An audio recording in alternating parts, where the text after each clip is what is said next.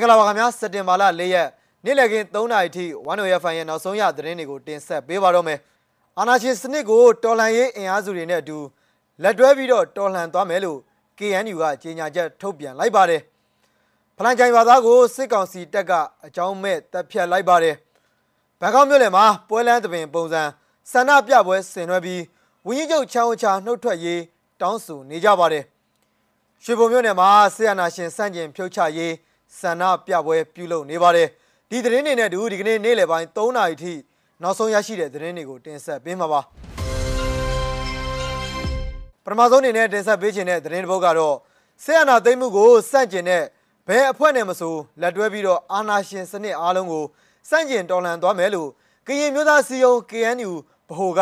စက်တင်ဘာလ၄ရက်မှာတရားဝင်ကြေညာချက်ထုတ်ပြန်လိုက်ပါတယ်ကရင်မျိုးသားစီယုံ KNU ဟာ Federal နဲ့ Democracy စနစ်ကို မြင့်တင်ဖို့ခိုင်မာတဲ့ဂရီကဝင်းနဲ့လိုက်နာဆောင်ရွက်မှုကိုဆက်လက်ထိန်းသိမ်းထားပြီးအာဏာရှင်မလိုလားသူဘယ်သူနဲ့မဆိုလက်တွဲတိုက်ထုတ်သွားမယ်လို့ထုတ်ပြန်ချက်မှာပြောဆိုခဲ့တာပါမြန်မာစစ်တပ်ရဲ့ရက်ဆက်ကြမ်းကြုတ်မှုတွေကနေအကာအကွယ်ရယူလိုတဲ့ဘယ်သူကမဆိုတတ်နိုင်တဲ့ဘက်ကကုညီပံ့ပိုးပေးပြီးနှစ်ရှိဖြစ်ပွားခဲ့တဲ့ပြည်တွင်းစစ်ရဲ့မူလဇစ်မြစ်ကိုဖြည့်ရှင်းဖို့နဲ့စစ်မှန်တဲ့ငြိမ်းချမ်းရေးနဲ့တိုင်းပြည်တည်ငြိမ်အေးချမ်းမှုကိုဆောင်ကျဉ်ဖို့နောက်ထပ်ဖြည့်ရှင်းရေးနီလန်တစ်တွေကို ဆက်လက်ရှာဖွေလှုပ်ဆောင်သွားမယ်လို့ထုတ်ပြန်ပြောဆိုထားတာပါပြည်သူလူထုတွေအနေနဲ့လည်းလွတ်လပ်မှုနဲ့တရားမျှတမှုအတွက်မိမိတို့တက်နိုင်တဲ့ဘက်ကကူညီထောက်ခံကြောင်းထုတ်ဖော်ပြသပေးဖို့ကရင်မျိုးသားစီယုံ KNU ဗဟိုရဲ့ထုတ်ပြန်ချက်မှာအတိပေးတိုက်တွန်းထားပါတယ်နောက်ထပ်တင်ဆက်ပေးခြင်းတဲ့သတင်းတစ်ပုဒ်ကတော့စကိုင်းတိုင်းဒေသကြီးဒဇယ်မြို့နယ်မြောက်ဘက်နှစ်မိုင်ခန့်ကွာလောက်မှာရှိတဲ့ဖလန်ချိုင်ကျေးရွာကကိုကန်ထွန်းဟာဒီကနေ့မနေ့အစောပိုင်းမှာအခြားရွာကိုသွားတဲ့အချိန် စစ်ကောင်စီတပ်သားတွေကတနက်နဲ့ပြစ်ခိုက်လိုက်လို့တေဆုံးခဲ့ရပါတယ်အသက်50ရွယ်ကိုကန်ထွန်းကိုစစ်ကောင်စီတပ်သားအင်အား30ခန့်ကတနက်နဲ့ပြစ်ခတ်ခဲ့တာဖြစ်ပါတယ်တနက်ပြစ်ခတ်တဲ့နေကြပြီးသူ့ရဲ့ရုပ်လောင်းပေါ်မှာကြီးစံဒဏ်ရာနဲ့အတူဓားဒဏ်ရာတွေကိုပါတွေ့ရှိခဲ့ရတယ်လို့ရွာကန်တွေကပြောကြပါတယ်ကျွန်တော်တို့ရွာရဲ့အနောက်ဘက်ရွာဆိုင်ဘုတ်အနီးလောက်မှာသူ့ရုပ်အလောင်းကိုတွေ့တာပါတနက်ဒဏ်ရာက၃ချက်လေဘင်းမှာလည်းဓားနဲ့လှိထားကြသေးတယ်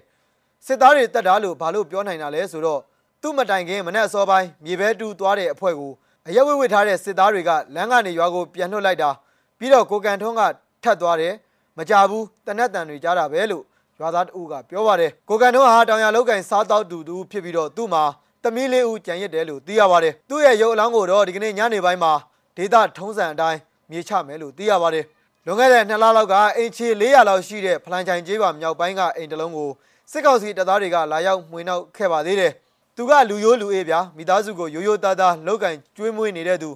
အခုလိုရုပ်ပြက်ဆင်းပြက်ဖြစ်အောင်တက်လိုက်ကြတာတော့အတော်လေးစိတ်မကောင်းဖြစ်တယ်ဗျာလို့ရွာသားတဦးကပြောဆိုပါတယ်အရက်ဝေးစစ်ကောင်စီတပ်သားတွေဟာဒဇယ်နယ်မှာဒေသခံကာကွယ်ရေးတပ်တွေကိုတောင်းနှင်းရှာဖွေပြီးတော့ရွာချုပ်ကိုလည်းဝင်ရောက်မှွေနှောက်လျက်ရှိပါတယ်နိုင်ငံတကာသတင်းတွေဘက်မှာတော့ဘန်ကောက်မြို့လယ်မှာလူအင်အားရာခိုင်နှန်းများစွာဟာစက်တင်ဘာလ3ရက်ကပွဲလန်းသဘင်ပုံစံဆန္ဒပြပွဲနဲ့ဝန်ကြီးချုပ်ပရာရိုချန်ဝချာကို ကန့်ကွက်ဆန့်ကျင်ဆန္ဒပြခဲ့ကြပါတယ်ဒီကနေ့ရီမန်းချက်ကတော့ပြည်သူတွေရဲ့အခွင့်အရေးနဲ့ညီဆန္ဒဖော်ထုတ်မှုအတွက်ဘေးကင်းတဲ့နေရာဖန်တီးနိုင်ဖို့ပဲဖြစ်ပါတယ်ဒီကနေ့အဓိကပေးချင်တဲ့သတင်းစကားကတော့အာဏာရသူတွေနှုတ်ထွက်ဖို့ပဲဖြစ်ပြီး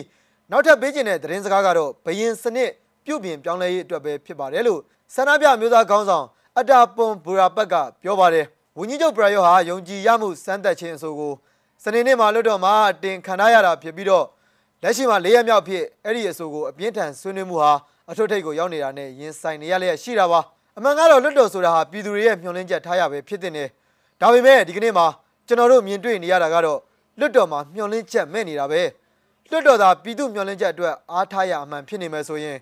အခုလိုပြည်သူတွေလမ်းပေါ်ထွက်လာရတာမျိုးကျွန်တော်တို့မြင်ကြရမှာမဟုတ်ဘူးလို့အတာပွန်ကပြောပါတယ် ကျောင်းသားတွေဦးဆောင်တဲ့ UFTD အဖွဲ့ကစင့်ခေါ်တဲ့ခုပွဲလန်းသဘင်ပုံစံဆန္ဒပြပွဲပြုလုပ်ရာ shopping mall area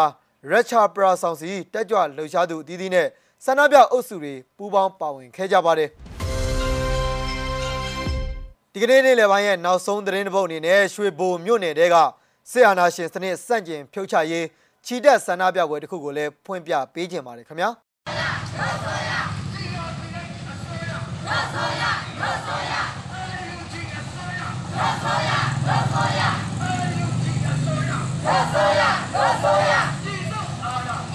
ပြန်ဖိတ်ပြည်သူပြန်ဖိတ်ရရရရရရရ